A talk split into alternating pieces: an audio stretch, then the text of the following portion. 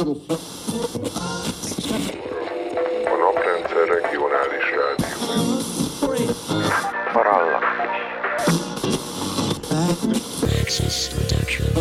Csak nem a parallaxis. Benne a. Hi, this is Chase Masterson from Star Trek Deep Space Nine. This is Parallaxish.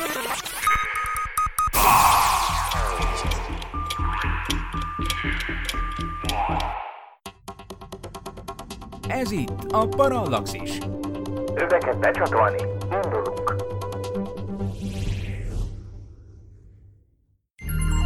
Tizenkét éven aluliak számára nem ajánlott. Az MD Média bemutatja. Nem túl nagy számokat, távolságokat könnyen elképzelhetünk, de mi van akkor, ha kozmikus méretekről van szó? Hogyan határozták meg ókori elődeink a világegyetemben tapasztalható hatalmas távolságokat, és hogyan határozzák meg a kutatók ma? Ami nem kézzelfogható, arra a tudomány szolgál nekünk válaszsal. A mentőautók szirénájától a világegyetem tágulásáig vizsgáljuk a kutatók manuálját, amit a tudomány csatolt a természet kézikönyvéhez. Tudományos és fantasztikus élmények. Miklós alaki fizikus és Ádámmal, aki nem. Ez itt a Parallaxis, az entv.hu és az űrszekerek tudományos és fantasztikus podcastje. Sziasztok! Szia Miklós, és köszöntöm a kedves hallgatókat is, ez a Parallaxis 25. adása. Szoktatok a kozmikus méretekről gondolkodni? Én például nem olyan régen láttam, és osztottam meg a Parallaxis Facebook oldalán is egy olyan képet a tavaly elsőként lefényképezett fekete lyukról, amin adtak viszonyítási pontot, pontokat, méghozzá a naprendszerünk méretét és a Voyager 2 űrszonda helyzetét, és ebből jól látható, hogy az emberiség által elsőként lefényképezett fekete lyuk átmérőjét tekintve többszöröse naprendszerünknek. Az akréciós koron kezdődik ott, ahol az eddig legmesszebbre jutott ember által készített tárgy, a Voyager 2 űrszonda járt. El tudtok képzelni ekkora méreteket, kedves hallgatók? Egyáltalán tud egy ember reálisan ekkora méretekben gondolkodni, Miklós? Ősidők óta úgy vagyunk behúzalozva, hogy szerintem ilyen néhány kilométernél nagyobb dolgokat szerintem nem tudunk elképzelni. Tehát minden más, akár az, hogy Budapesten belül most elmegyek a 11. kerületből, átmegyek Újpestre, vagy mit tudom én, micsoda, az már eleve, az már valójában az sem olyan, amit, amit úgy nem látsz be, azt már csak egy elvolt módon lekicsinyítve tudod elképzelni. És most egyébként rohadt vicces, hogy azt mondjuk, hogy hú, de nagy az a fekete lyuk, mert hogy messzebb van, nagyobb az átmérője, mint amilyen messze van tőlünk a Voyager, de érted most az, hogy milyen messze van ott tőlünk a Voyager, hát az ugyanúgy teljesen felfoghatatlan távolság, tehát hogy az ember mindig azzal tornáztatja az agyát, hogy ugye lekicsinyítjük, és akkor az van, hogy mit tudom én, hogyha, hogyha a Föld az akkora, mint egy narancs, akkor a Hold az akkora, mint egy dió, ami mondjuk négy méterre van tőle, ezt úgy még el tudom képzelni, de hogyha már az van, hogy és milyen messze van a Mars, ugyanebbe a modellbe, akkor az már 5 kilométerre van, hát az 5 kilométer az már olyan hosszú, mint, mint a Margit sziget körbefutva, azt meg már nem biztos, hogy annyira jól be, el tudom képzelni. Tehát, hogy Szóval igen, az a baj, az a baj, hogy kozmikus skálákon rögtön oda jutsz, hogy már amit modellnek tekintesz, már az is elképzelhetetlenül nagy. Mert ebben a modellben meg a legközelebbi csillag, mit tudom én, most a hasamra ütök, az olyan messze van, mint a Földtől a Hold. Na de hát a Földtől a Holdot meg hogy képzel? Sehol. Tehát, hogy annyira gyorsan kinőjük a belátható tartományt, hogy egyszerűen valóban felfoghatatlan az egész. Szerintem nem is érdemes küzdeni ez ellen. Én, én biztos nem, nem küzdök. No hát igen, felnézel a holdra, mint a kinyújtott kézzel megérinthetnéd, pedig átlagosan 384 ezer kilométerre van földünktől. Ez annyi, mint az egyenlítő hossza bő 9 és ez még mind semmi, hiszen ez mindössze 1,28 század fénymásodperci távolság. A fényév apró töredéke, mivel a fény egy másodperc alatt nagyjából 300 ezer kilométert tesz meg. A Pluto, aminél először a New Horizon szűrszonda járt 2015-ben is csak 5 milliárd kilométerre van, azaz a másodpercenként a Földhold távolságot átszelő fény bő 8 percet utazik központi csillagunktól a Földig, majd további 5 órát, mire eléri leghíresebb törpeplanétánkat. Az univerzum pedig hatalmas a naprendszerünkhöz legközelebbi csillag a Proxima Centauri, kicsit több mint négy fényévnyire van, ami elsőre talán közelének tűnik, de gondoljunk csak bele, az Apollo űrhajók néhány nap alatt tették meg a Földhold távolságot. Azt a távolságot, amit a fény nagyjából egy másodperc alatt tesz meg. Innen nézve mindjárt sokkal távolibbnak tűnik eme idegen világ, csak galaxisunk a tejút átmérője 100 ezer, a világegyetem sugara pedig közel 14 milliárd fényév. Ha már alaposan belezavarodtatok a számokba, joggal merülhet fel a kérdés, hogyha valami ilyen messze van, azt hogyan lehet megmérni. Egyszerűen szólva, honnan tudjuk, hogy milyen távol vannak az egyes égitestek a világ mindenségben. Mielőtt viszont megismerkedünk a szupernovák és speciális fajtáival, ismerkedjünk meg néhány kozmikus távolságmérési módszerrel. Az ókori görögök például a Föld átmérőjére az árnyékok különböző szélességekben látható hosszából következtettek, és igyekeztek a nap és a hold méretarányait geometriai okoskodásokkal meghatározni. Igen, hát a görögök voltak az elsők, akikről így feljegyzéseink vannak, hogy hogyan tudták, amit tudtak, mert a görögök azért meglepően jó dolgokat derítettek fel, és ez egészen fantasztikus, mert hát nem most volt ez, tehát azért a, a időszámítás előtti második század környékén, második, harmadik században, tehát lényegében ugye az ókori Hellásznak a fénykorában már olyan dolgokat tudtak csinálni, Például, amit emlegettél, ugye a föld átmérőjének a meghatározása. Tehát érdekes módon az már a múltnak a nagyon-nagyon-nagyon messzi ködébe vész, hogy a görögök, vagy úgy általában mindenki mióta tudja, hogy a föld gömbölyű.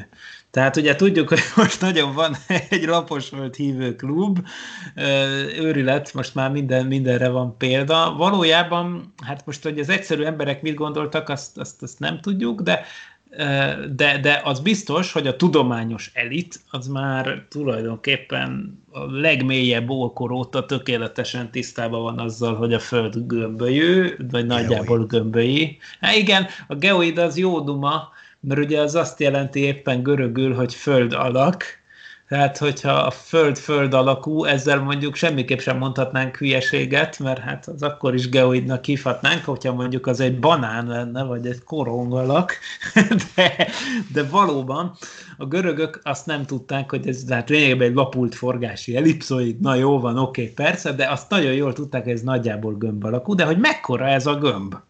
Ugye? Mekko, mekkora ez a gömb?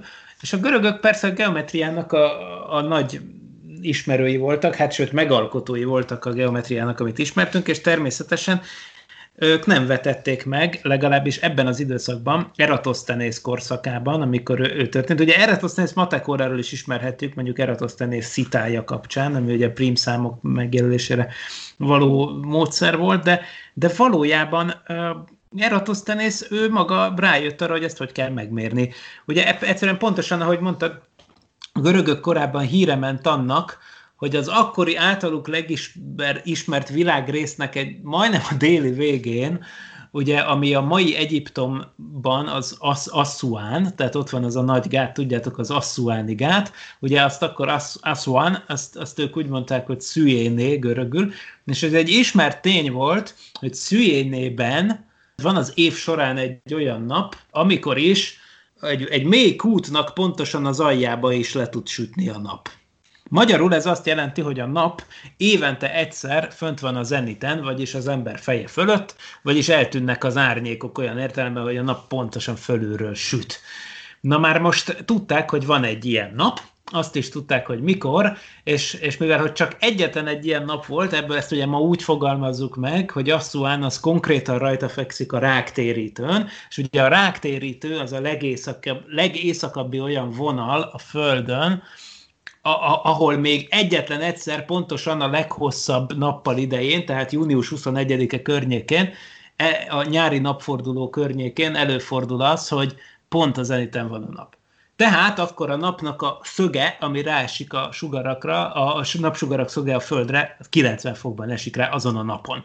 Na most Eratosthenész meg megnézte, hogy Alexandriában, vagyis Egyiptomnak az északi részén, de hát az akkoriban egy görögök által lakott és igazgatott város volt, tehát hogy Alexandriában, ahol ő lakott, ott ugyanezen a napon milyen hosszúak délben az árnyékok.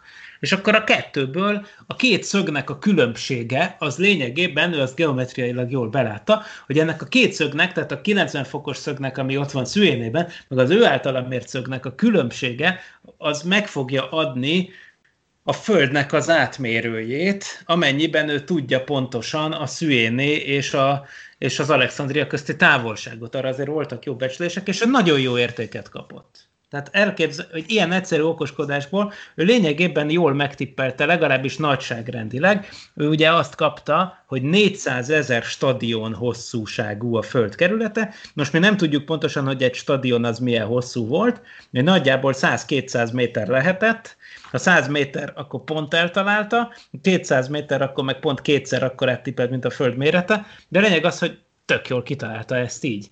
Szóval nagyon, nagyon menő dolgokat csináltak, lehet, lehet használni a geometriát, és ez, ez ilyen egyszerű, ez bárki kiszámolhatja. Tehát ezt a lapos földes barátaimnak is üzenjük, hogy ezt a dolgot megcsinálhatják ők is bármikor. És akkor magyarázzák meg hogy az eredményüket, hogy a lapos földdel hogy összeegyeztethető ez, hogy fe, felhívja Joe a Chicagóból a texasi laposföld hívő barátját, hogy figyelj, nézd már ki, és mondd meg, hogy milyen hosszú a fának az árnyéka most, megvakarják a fejüket, és hát be kéne, hogy lássák, nem? Hogy ez nem így van.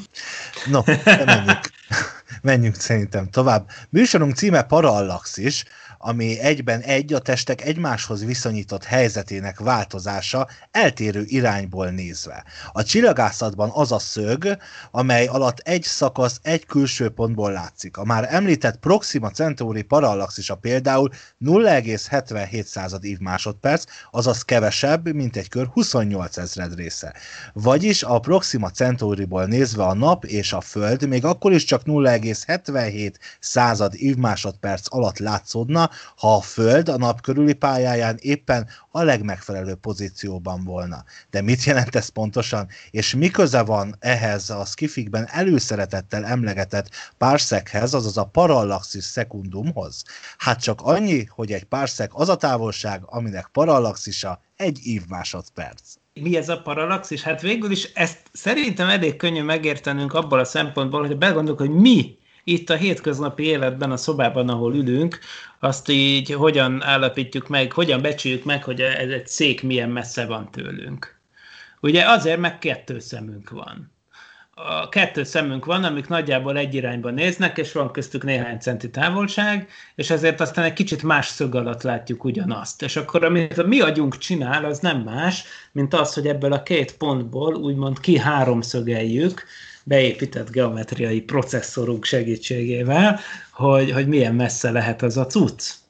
Ugye például a madárkák, ugye nekik két oldalán van a fejükön a szemük, ők nekünk nagyobb a látóterük, viszont nekik ke- ke- éppen, hogy nem is nagyon fed át a kettő. Tehát nem véletlen, hogyha lá- nézitek, hogy a galambok a téren, úristen, de rég láttam már galambot a téren, szóval a home office-ban azért ilyenek is elkezdenek hiányozni itt a nagy karanténvilágban. De ugye a galambok előre-hátra mozgatják a fejüket folyamatosan. Az ugye ez nem azért van, mert hogy megy a fülükbe a, izé, a, a, a tuc-tuc, hanem, hanem azért hetbengelnek egész nap a galambok, mert hogy ők mivel hogy nekik nem fed át a két szemük látóiránya, ezért nekik folyamatosan mozogni kell, hogy jól meg tudják tippelni a dolgoknak a távolságát, és ők azért mozgatják előre-hátra a fejüket, hogy jobban meg tudják állapítani, hogy milyen messze vannak körülöttek a dolgok. Nekünk erre nincs szükségünk, két szemünk egy irányba néz, de kicsit más helyről, és akkor emiatt aztán be tudjuk lőni, hogy milyen messze van valami más. Ugye a parallaxis az ugyanez a dolog, meg akarjuk nézni, hogy mondjuk a naprendszeren belül egy objektum milyen messze van, akkor egyszerűen annyi a dolgunk, mint ahogy egyébként hasonló dolgon alapult az előző sztori is az Eratosthenesről, most ez egy kicsit más, tehát két ember megnézi mondjuk ugyanazt a kisbolygót egy időpillanatban, a Föld két oldaláról milyen szög alatt látják, most akkor ebből meg lehet határozni azt is, ha már tudjuk, hogy mekkor, ha már mi tudjuk, hogy mekkora a Föld, ahol állunk, ugye akkor meg, meg milyen sugarú, akkor e, erre már tudunk korrigálni, és akkor meg tudjuk nézni, hogy a háttércsillagokhoz képest, amik ugye mondjuk kisbolygóhoz képest végtelenül messze vannak, akkor a háttércsillaghoz képest milyen mennyire látjuk elcsúszva az egyik kontinensről a másik kontinensről a kisbolygót, és akkor abból meg is van, hogy milyen messze van a kisbolygó. Ugyanolyan egyszerű geometriai okoskodással, hogy ezt már Eratosthenes is meg tudta volna csinálni természetesen. Vagy hát az ő korában is bármelyik görög iskolás gyerek. No de ez a naprendszerben belül természetesen nagyon jól működik, amikor a táv, mármint hát a közeli világban, mondjuk a Föld-Hold távolság megbecsléséhez például ilyen módon ideális ki egy olyan paralaxist nézni, ami tehát az Föld egyik oldalán, meg a Föld másik oldalán áll egy csillaggász, és egyszerre csinálnak egy-egy fényképet, és megnézik, hogy a sokkal messzebb levő háttércsillagokhoz képest mennyivel látják odébb a holdat, pak, kijön, milyen messze van a hold. Viszont természetesen a Föld, ahogy azt már meghatározták a görögök is, természetesen, az azért pici. Tehát ehhez, hogy 40 ezer kilométer kerülete a Földnek, tehát ez azt jelenti, hogy, hogy azért nagyon messzi, már, már az, Jupiternek például a távolságát mondjuk ebből akarnánk megnézni, akkor arra már nem kapnánk valami használható parallaxist, de szerencsére ugye a Föld maga is mozog a pályáján, ez azt jelenti, hogyha egy távoli csillagnak a távolságát akarjuk megnézni, ami azért nem annyira távoli, de sokkal messzebb van, mint mondjuk a naprendszerbeli mértékek, léptékek, akkor ugye az van, hogy van a Föld pályája, aminek az átmérője az olyan 300 millió kilométer. Ugye? Tehát ez egy 300 millió kilométer átmérőjű kör, amin a Föld így megy lényegében körbe a nap körül. Jó, tudom, nem pontosan kör, de mindegy, szóval nagyjából kör. És akkor ez azt jelenti, hogy a két átellenes pontján, tehát mondjuk januárban, meg júniusban ránézek ugyanarra a csillagra, megint csak a még sokkal távolabb levő háttércsillagokhoz képest, és akkor egy picit máshol fogom látni, mert ez a 300 millió kilométer tölti be azt a szeme, szerepet, mint nekünk a bal és a jobb szemünk közti távolság. Kicsit más szög alatt fogjuk látni, és ki tudjuk számolni.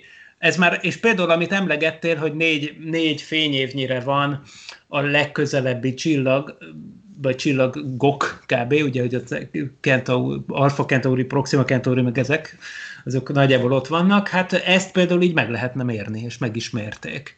És akkor persze ez nyilván egy döbbenetes sok volt annak idején, mert rájöttek, hogy ez milyen rettenetesen sokszor több, mint a naprendszerbeli távolságok, hogy milyen rohadt messze vannak a csillagok. A parallaxis szekundum az meg, ahogy mondtad, az pontosan azt jelenti, hogy az az a távolság, ahonnan, ha visszanéznénk, a, a, tehát, hogy egy űrhajóra el, elmennénk, és, és azt, azt néznénk meg, hogy, a, hogy pont az a távolság, amiről beszéltünk, vagyis hát annak a fele, tehát a napföld távolság, a 150 millió kilométer, milyen távolságra kéne elmenni ahhoz, hogy az egy szög másodpercnek tűnjön.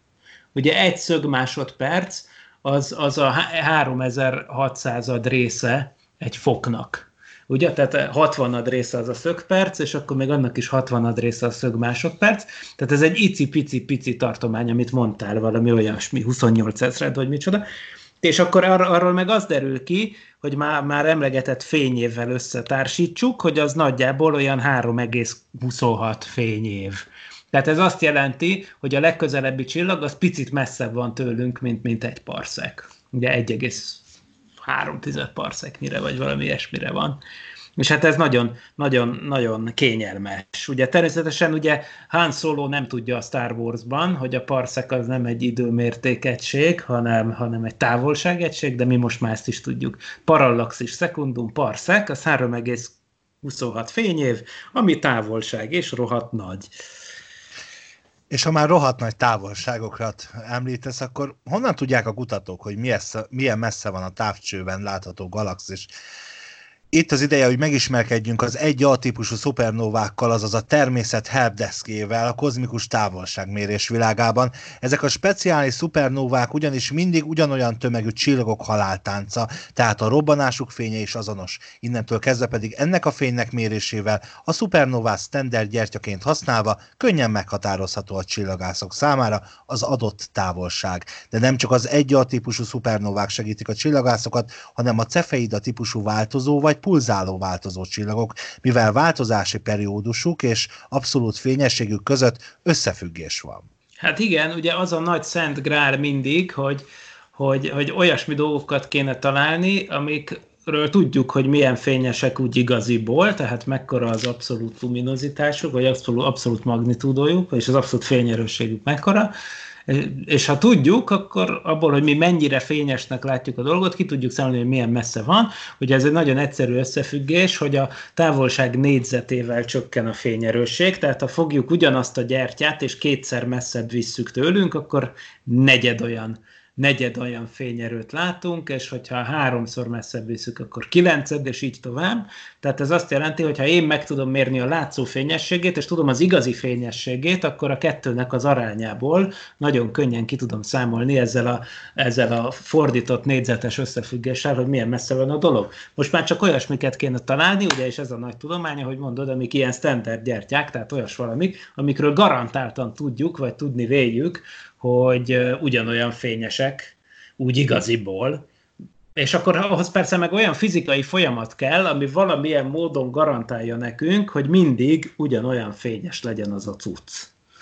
Na és akkor itt jönnek ezek a dolgok. Az első standard gyertya, amit, amiről én tudok, az valóban ez a cefeida volt, ami, ami valóban egy olyan változó csillag, ahol a típus, amik olyan egy 50 napos periódus idővel villognak, tehát ezért aztán ezt így jól meg lehet figyelni, és, és, és te, ugye hát nyilván a Cefeusról van elnevezve, ami, ami, ami, az, ami egy olyan csillag, ahol először láttak ilyesmit. Na most azt látták, hogy, hogy lényegében ez egy 50 napos periódus idővel fluktuál, és a fényesség változás az meg nagyjából ilyen egy magnitúdó, mindegy is, hogy az mennyi. A lényeg tényleg az, amit mondtál. Egy egyértelműnek tűnő, nagyon pontos összefüggés van a között, hogy ez a cucc milyen fényes, vagyis nem a cucc, hanem a változása, maga a változékonysága, az ingadozása mekkora, és hogy, hogy mi a periódus ideje és akkor ugye a közeli cefeida változóknak meg, meg tudták határozni a távolságát a parallaxissal.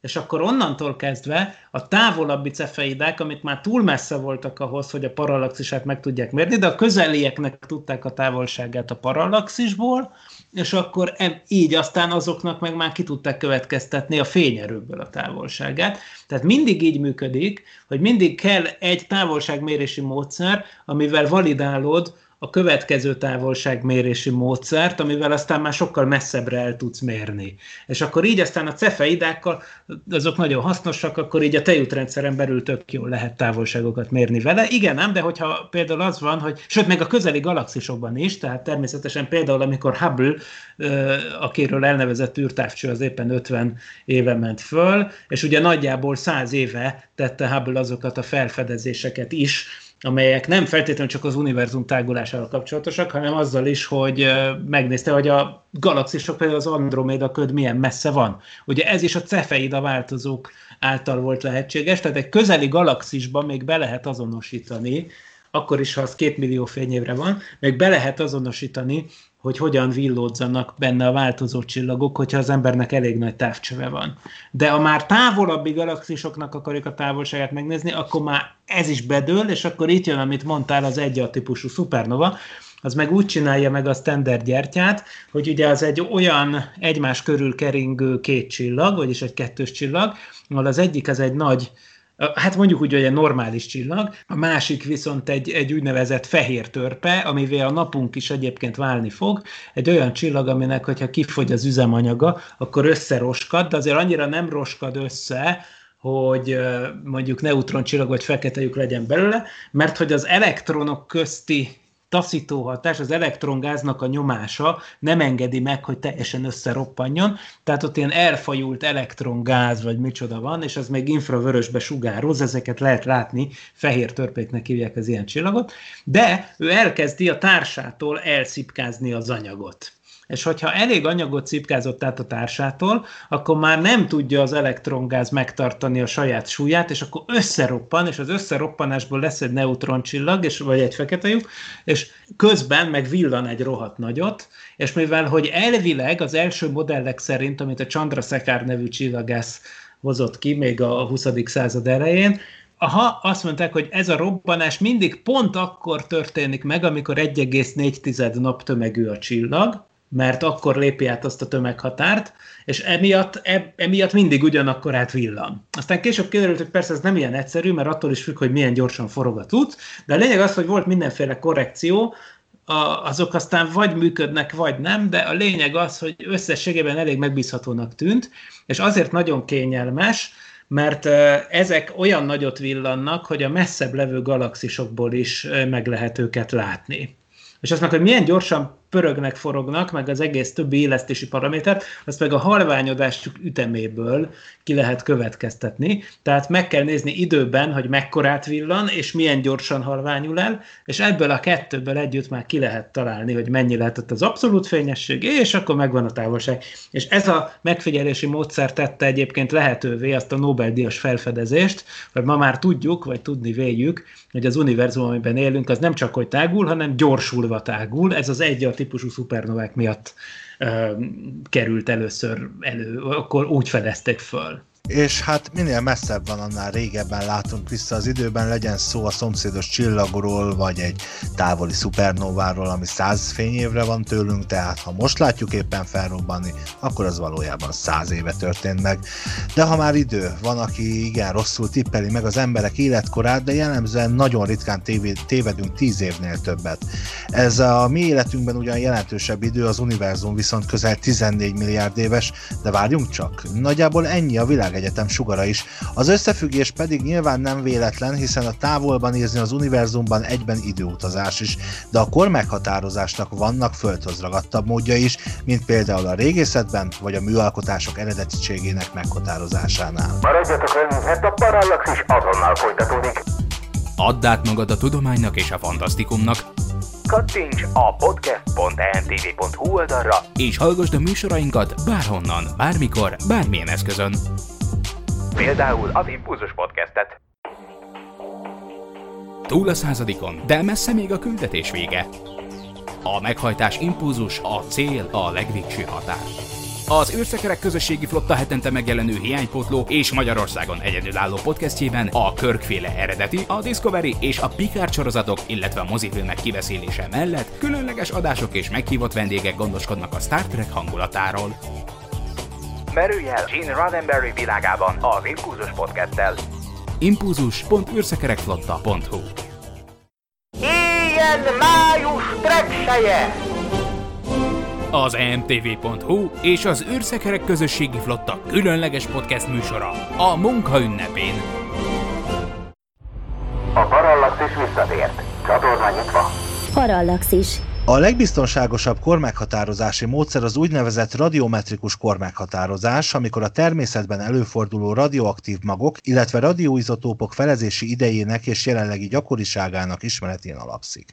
E módszer biztosítja például a legfontosabb információforrásunkat a földkorának és az evolúció sebességének meghatározásában, viszont a pontosság, a költségek és az alkalmazott időskála alapján többféle radiometrikus kormeghatározási mód létezik. A legismertebb mind közül a szénizotópos kormeghatározás, ami, természetben, ami a természetben előforduló C14 izotópot használja a széntartalmú anyagok korának meghatározására, igaz, csak 60, egyesek szerint 50 ezer évre visszamenően használható, ráadásul korrigálni is kellett a hidegháborús atombomba kísérletek miatt, a mérési eredményeket ezért a mély történelemben ezer éves korrekciókra is szükség volt. Hát igen, ez, ez egy fantasztikus dolog, hogy, hogy, hogy működnek ezek a dolgok. Egy nagyon jó ötlet amúgy, hogy itt tényleg mindig az van, hogy, hogy léteznek, ugye a szénből vagyunk mindannyian, főleg szénből állunk, ugye, tehát, meg vízből, tehát a szén 12 és a szén 13 azok stabil ami azt jelenti, hogy ők úgy szeret, azok szeretnek maradni, amik nagyon végtelen sok ideig kb. Viszont van nagyon kicsi mennyiségű szén-14, a szén-14 az pedig hát egy, egy radioaktív izotop, de azért nem kell megijedni tőle, tehát ez nem olyan brutálisan radioaktív, mint mondjuk amiket a Csernobyl baleset kapcsán beszélgettünk, ilyen, ilyen bomlástermékek, hanem ez egy, ez egy nagyon kulturált kis izotóp, de annyira azért instabil, hogy a felezési ideje az olyan 5700 valamennyi év, ami azt jelenti, hogy hogy, hogy egy adott mennyiségű szén 14 ennyi idő alatt a felére csökken, miközben egyébként a szén 12 és szén 13 az nem eksenyekkel. Ugye? Tehát akkor a szén 12 és a szén 14 aránya az attól függ, hogyha besugárzol valamit szén 14-jel, és ott hagyod, és becsukod egy dobozba, amiben nem jut be semmilyen egyéb sugárzás, akkor onnantól kezdve a szén 12-nek az aránya az nem változik, mert ez egy stabil izotóp, de szén 14-ből egyre kevesebb van, mégpedig 5700 évenként fele annyi, ami azt, azt jelenti, hogy, hogy ha megméred a kettőnek az arányát, akkor vissza tudod számolni, hogy mikor lehetett a kettejüknek annyi az aránya, amennyi a természetes arány. Na de mi az, hogy természetes arány? Hogy kerül ide a szén 14? Amikor mondtuk, hogy az instabil, és ugye lebomlik 5700 év alatt a felére, tehát mondjuk, mit tudom én, valóban 60 ezer év után már sehol nem kéne ilyet látni. Miért van mindig újabb és újabb szén 14 a levegőben? Na hát ez az, hogy természetesen a napból jön a sugárzás, a napból jön a sugárzás, ultraibolya sugárzás, és az pedig azt csinálja, hogy a földi légkörben levő nitrogént átalakítja szén 14 de ez folyamatosan történik, valahol ott az a, a fölsőbb légrétegekben, tehát a stratoszférában valahol, tehát tizenvalahány kilométer magasan, de a, a légkörzés az lehetővé teszi, hogy, hogy ez lejöjjön ide, ahol mi lakunk, és lélegzünk, és akkor mi folyamatosan belélegezzük ezt, és amíg élünk, ezért aztán folyamatosan van a szervezetünkben szén 14, mert hiszen addig folyamatosan aktív anyagcserét folytatunk a levegővel, és fölvesszük a széndiokszidot, be, belélegezzük a széndiokszidot is, meg egyéb dolgokat, ami, meg a szén, tehát a nitrogén bemegy, akkor a C14 is bejut vele együtt, beépül a szervezetünkbe, de ez csak addig van, amikor, a, ameddig élünk. És amikor meghalunk, utána leáll az anyagcserénk, és ez azt jelenti, hogy ebben a pillanatban, a halál pillanatában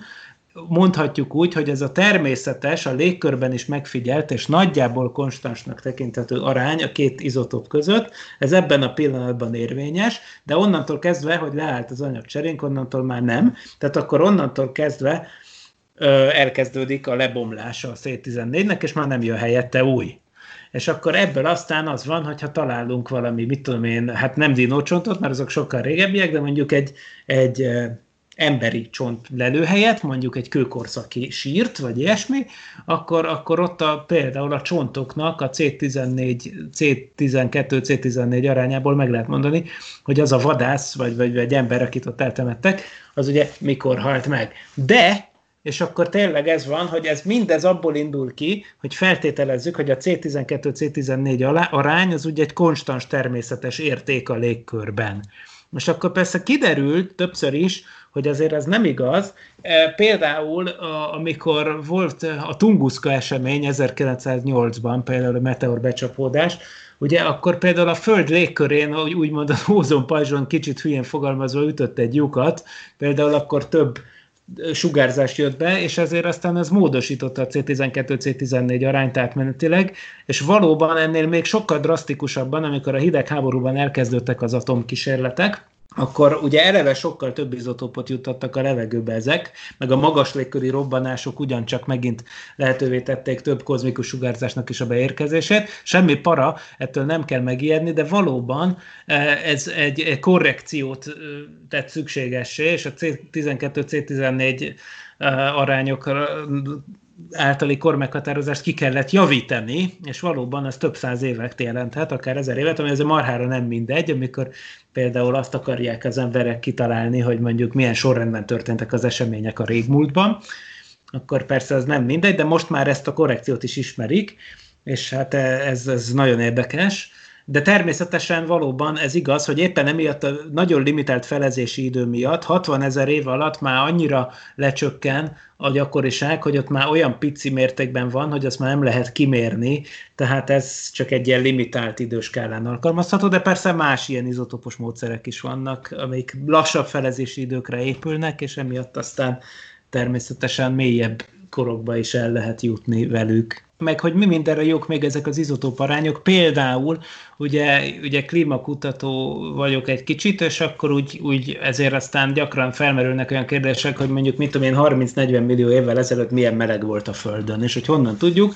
Ugye ezt is izotóp arányokból tudjuk, mert az oxigénnek is van két izotópja, az O16 és az O18, és az ő arányuk, hogy a nehezebb izotópból mennyi van a könnyebbhez képest, arról meg kiderült, hogy nagyon érzékeny a hő hőmérsékletre. És persze ott is az van, hogy az élő szervezetek beépítik magukba az oxigént, aztán meghalnak, és akkor fix marad az arány, és akkor természetesen ott nem a lebomlás a lényeg, hanem egyszerűen az, hogy, hogy a Föld ismert rétegekből kikotort, vagy tengeralatti üledékekből felhozott pici fosszíliákban a két izotóp aránya az nem ar- arra lesz érzékeny, hogy milyen, idő, milyen ennyi idővel ezelőtt halt meg, azt máshonnan kell megtudnunk, mondjuk a réteg mélységéből, hanem arra, hogy milyen meleg volt akkor, és akkor tök jól ki lehet találni, hogy mondjuk a Kréta korszakban, amikor a dinók éltek, akkor például annyira meleg volt, hogy zöldelt az egész Antarktisz, pedig ugyanott volt, mint most, meg ilyenek. Szóval azért fantasztikus dolgokra jók ezek az izotópok, és például ez egy olyan példa, ahol bőven el lehet menni 100 millió évekig is, mert ez az O16, O18 például egy olyan mérési módszer, amit nem gátol az, hogy felezési idők rövidek lennének. Ha már megvan a kora, jó azt is tudni, hogy miből van, legyen szó bármilyen anyagról itt a Földön, vagy akár a csillagok között, Ebben segít a spektroszkópia tudománya a spektrumok készítésére, tanulmányozására és értelmezésére szolgáló módszerek, illetve tudományok összessége.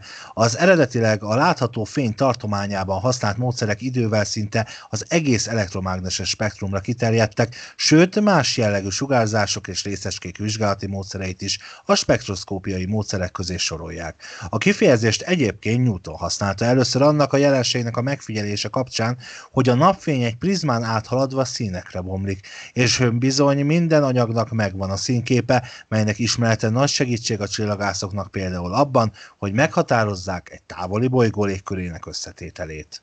Hát a, a csillagászat az annyira na, hozzájárult itt ehhez a dologhoz, hogy egy csomó elemet eleve úgy fedeztek, azt hiszem föl, például rögtön nem is kell nagyon extrém dolgokra gondolni, mert a lufikból jól ismert héliumot, a 19. században azt a nap színképéből fedezték föl, hogy ez egy annyira nem reagál semmivel, mert nemes gáz, és annyira kicsi a tömege, ez a hélium, hogy gyakorlatilag a Földön szabadon ez nincs is, egyszerűen elszökne, magától, tehát a hélium az olyan, hogy, hogy egyszerűen a Földön nem is vették észre, hogy létezik ilyen elem, Úgyhogy a nap, napnak a színkép elemzéséből jöttek rá, hogy aha, itt van valami más. Na de hogy van ez? Hát az a szép az egészben, és ezt az emberiség a kvantummechanika fel, nem, nem is a kvantummechanika, hanem a kvantum elmélet felfedezésével értette meg igazán, hogy miért van az, hogy, hogy minden, minden atom valami bizonyos hullámhoz tartományokban sugároz, vagy nyel el éppen, a, ami konkrétan rá jellemző, tehát ez olyan, mint az adott kémiai elemnek valamiféle új lenyomata. De miért? Hát most már ugye tudjuk, hogy, hogy itt arról van szó, hogy az, hogy, hogy van egy atom, és körülötte elekt, atomok körül elektronok keringenek, de ez nem olyan, mint egy kicsi naprendszer, hanem olyan, mint egy olyan naprendszer lenne, ahol nagyon szabályosan és pontosan meg van határozva, hogy melyik bolygónak milyen távolságra kell keringeni a naptól, és a kettő között egyszerűen nem lehet.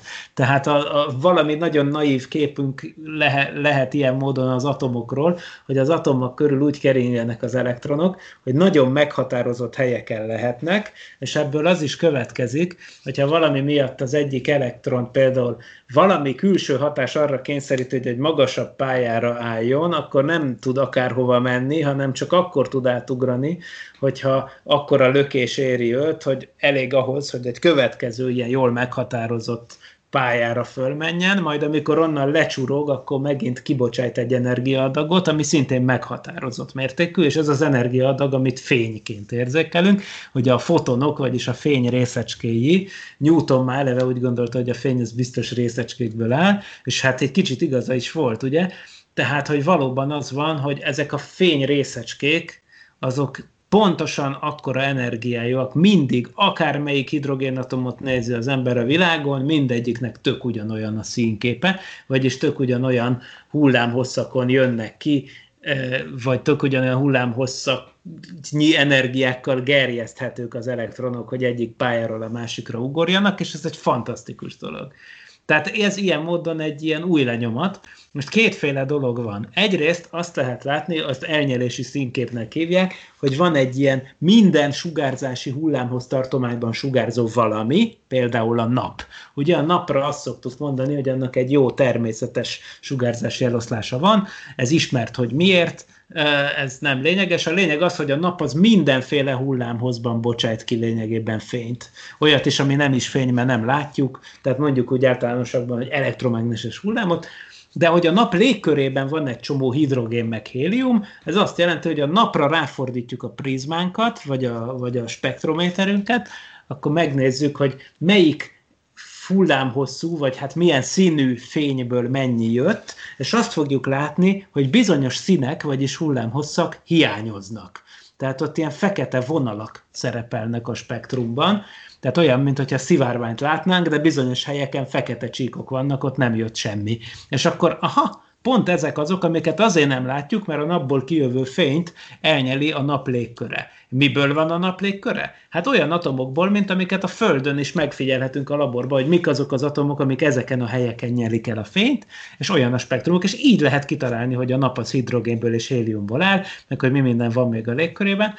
Úgyhogy ez nagyon hasznos volt, és természetesen az a szép az egészben, hogy nem kell látnunk rendesen a dolgot ahhoz, hogy tudjunk róla spektrumot csinálni, mert például a csillagokat egyáltalán nem tudjuk látni, a többségük ez, nagyon közeli csillagokat tudják a legjobb távcsövek is csak úgy felbontani, hogy egy korongnak lehet látni, ugye? Tehát, hogy konkrétan meg lehet nézni, hogy mit tudom én, a Beta Pictoris körül, mit tudom én, hogy hol van egy napfolt, vagy valami ilyesmi. De te, legtöbb csillag az egyszerűen csak pontnak látszik, de már egy pont is elég ahhoz, hogy spektrumot lehessen róla csinálni, úgyhogy ha rohadt messze van a csillag, hogy konkrétan csak egy pontnak tűnik, és semmi másnak föl se lehet nagyítani, de ezt akkor is nagyon jól meg lehet mondani, hogy miből áll.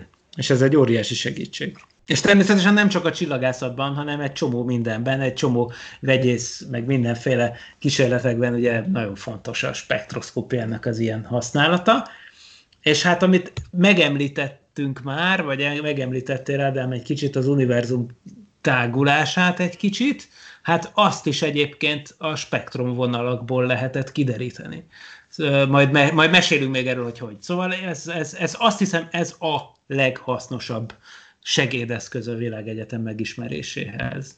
Tehát a színkép elemzés vagy spektrum analízis, tehát maga az összetevőire bontott elektromágneses sugárzás, a színkép vizsgálata, és nem csak abban segíti a kutatókat, hogy meghatározzák egy anyag, bolygó vagy csillag összetételét, hanem nagyban segíti a kutatókat abban is, hogy egyáltalán tudjuk a világegyetem tágol, ahogy már te is említetted Miklós, és hogy honnan? Az úgynevezett vörös eltolódásból, azaz a távoli galaxisok színképe a vörös felé tolódik, ráadásul minél távolibb, annál jobban. Ez tehát nem csak azt jelenti, hogy a világegyetem tágul, de azt azt is, hogy minél messzebb tekintünk, annál gyorsabban, felfoghatatlanul gyorsabban, mint ahogy egy mentőautó szágult a balesethez de amint közeledik és elhalad mellettünk, furcsa dolgokra lehetünk figyelmesek, mintha nem ugyanaz a sziréna szólna, hiszen mikor közelít, egyre magasabban, miközben távolodik, pedig egyre mélyebben szól a hangja. Ez az úgynevezett Doppler effektus, ami azért jön létre, mert a felénk száguldó mentőautó szirénájának hanghullámai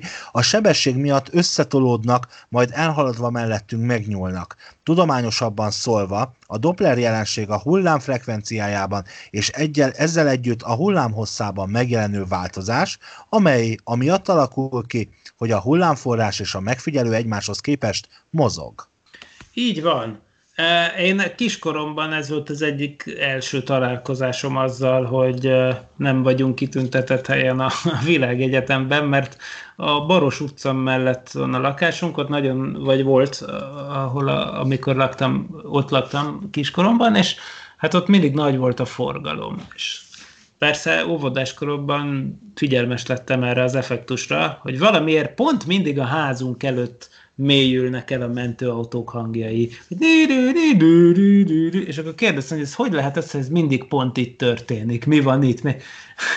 és akkor persze kiderült, hogy ez bárhol laknánk, ugyanez lenne, természetesen, tehát nem vagyunk kitüntetett helyen az univerzumban, apukám ezt megpróbálta nekem elmagyarázni, több-kevesebb sikerrel, hogy itt valóban erről a Doppler effektusról van szó, amit te tök jól elmondtál, és ezt ugye hanghullámokra valóban tapasztaljuk a hétköznapokban, azért az már korán sem ilyen triviális, főleg a relativitás elmélet ismeretében, de attól még érvényes, hogy ugyanez a fényre is igaz. És akkor valóban az van, hogy amíg távolodik tőlünk, az vörösebbnek tűnik, ami közeledik hozzánk, az kékebbnek. Persze ez akkor igaz, hogyha mondjuk az egy fehér cucc, de valójában azt, azt valóban el lehet mondani, hogy a, a színkép, úgy, ugyan, hogy például veszünk egy hidrogénből álló csillagot, ugye, vagy hidrogénből és héliumból, és akkor ez miatt aztán tudjuk nagyjából, hogy, hogy milyen spektrumvonalakat várunk. És akkor ránézünk egy csillagra, és azt látjuk, ami tőlünk nagyon messze van, és akkor azt látjuk, hogy ugyanazokat a spektrumvonalakat látjuk, vagy ugyan olyan spektrumvonalakat, tehát az egymáshoz viszonyított arányaik a vonalak távolságának az ugyanaz, de az egész, mint hogyha el lenne csúsztatva a nagyobb hullámhosszak felé, tehát a vörös felé. És akkor ezt tapasztalták a csillagászok, és akkor persze gyorsan rájöttek, hogy itt természetesen a Doppler eltolódásról van szó fényre. Tehát, hogy a tőlünk, hogyha távolodik valami, akkor ugyanúgy, hogy a mentőautó hangja mélyül, a színe pedig pirosodik, és azt, hogy mennyire tolódik el, annak abban is a spektrumvonalak segítenek nekünk, hiszen ugye a hidrogén atom vonalainak például van egy nagyon jól ismert sorozata, tehát egy matematikai szám szabályszerűséggel leírható, hogy az első és a második, a második és a harmadik, a harmadik és a negyedik, stb. elnyelési vonalaknak az egymáshoz viszonyított távolsága milyen. Tehát én akkor is rájövök, hogy ez a hidrogén spektruma, hogyha eltolva látom, és ezt teszi lehetővé, hogy észrevegyük, hogy aha, akkor ez ennyivel tolódott el. Nem csak, hogy eltolódott, hanem azt is meg tudjuk mondani, hogy mennyivel tolódott el, és akkor abból megvan nekünk a sebessége. Szeretnék feltenni egy álnaív kérdést. Amikor jön a mentőautó, akkor a hangja változik, de mondjuk a lámpájának a fénye nem.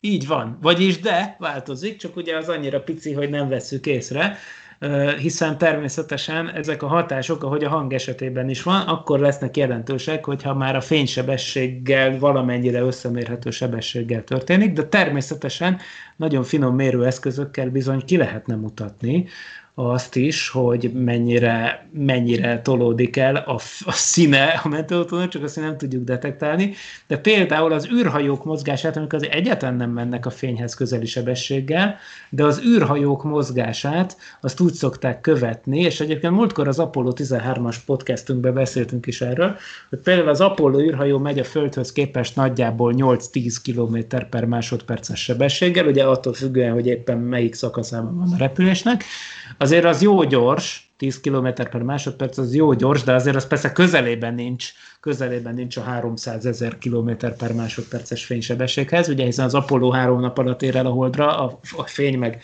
mondtad, hogy alig több, mint egy másodperc alatt.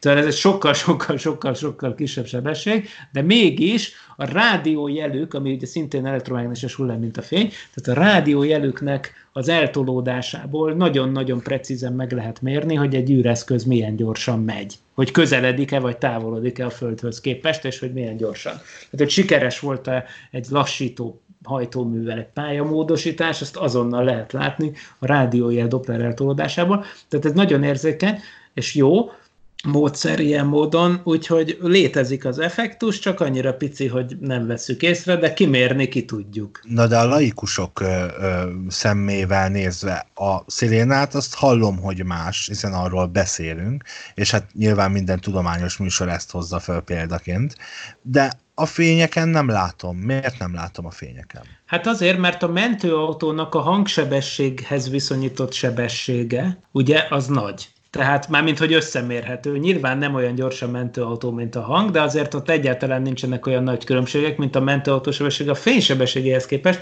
hiszen a hangsebesség az, mit tudom én, néhány száz méter másodpercenként a fénysebesség az meg néhány százezer kilométer másodpercenként, és emiatt van az, hogy tényleg ez a relatív dolog, hogy az adott hullám terjedési sebességéhez képest a forrásnak a sebessége milyen arányban van, ez az, ez az, ami igazából számít.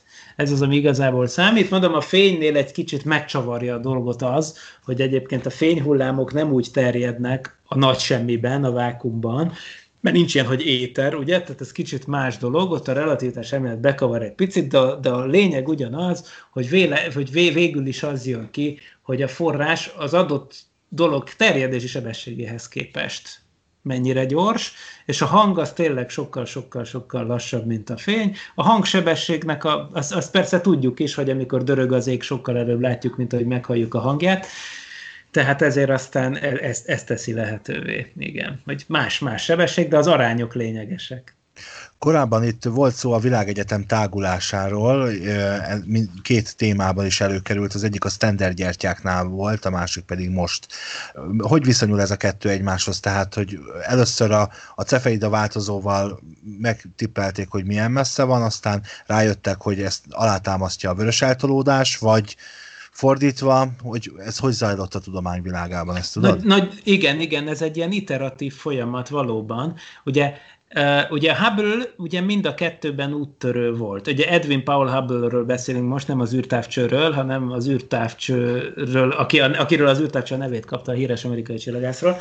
Ugye ő éppen száz éve volt az a korszakalkotó nagy felfedezése nagyjából, illetve az ezzel kapcsolatos vita, ugye akkor még arról ment, a, ugye, és a tudománynak az volt az egyik legnagyobb nyitott kérdése, hogy mondjuk az ilyen dolgok, mint az Androméda köd, akkor még így hívták, hogy Andromeda köd, ugye? Mert nem tudták, hogy ez, ez lényegében egy másik galaxis, de voltak, akik azt mondták, hogy az Andromeda köd az egy ugyanolyan galaxis, mint a tejútrendszerünk, csak azért tűnik picinek, mert rohadt messze van. Mások meg azt mondták, hogy az egy csillagköd, ugyanolyan, mint mit tudom én, a lófej köd az Orion csillagképben, vagy az Orion köd, vagy a rák köd, vagy mit tudom én, ezek a híres nagy izék, amik tényleg nagy köz, sokkal közelebb vannak, a mi galaxisukon belül vannak, és nagy gázfelhők. Ugye a korabeli távcsövekkel még nem volt lehetséges, hogy az Andromeda ködöt felbontsák csillagokra, tehát hogy kb. ugyanúgy néztek ki. És az volt a nagy kérdés lényegében, hogy mekkora az ismert univerzum. Voltak, akik azt mondták, hogy az ismert univerzum az gyakorlatilag maga a tejútrendszer, és azon kívül nincsen semmi.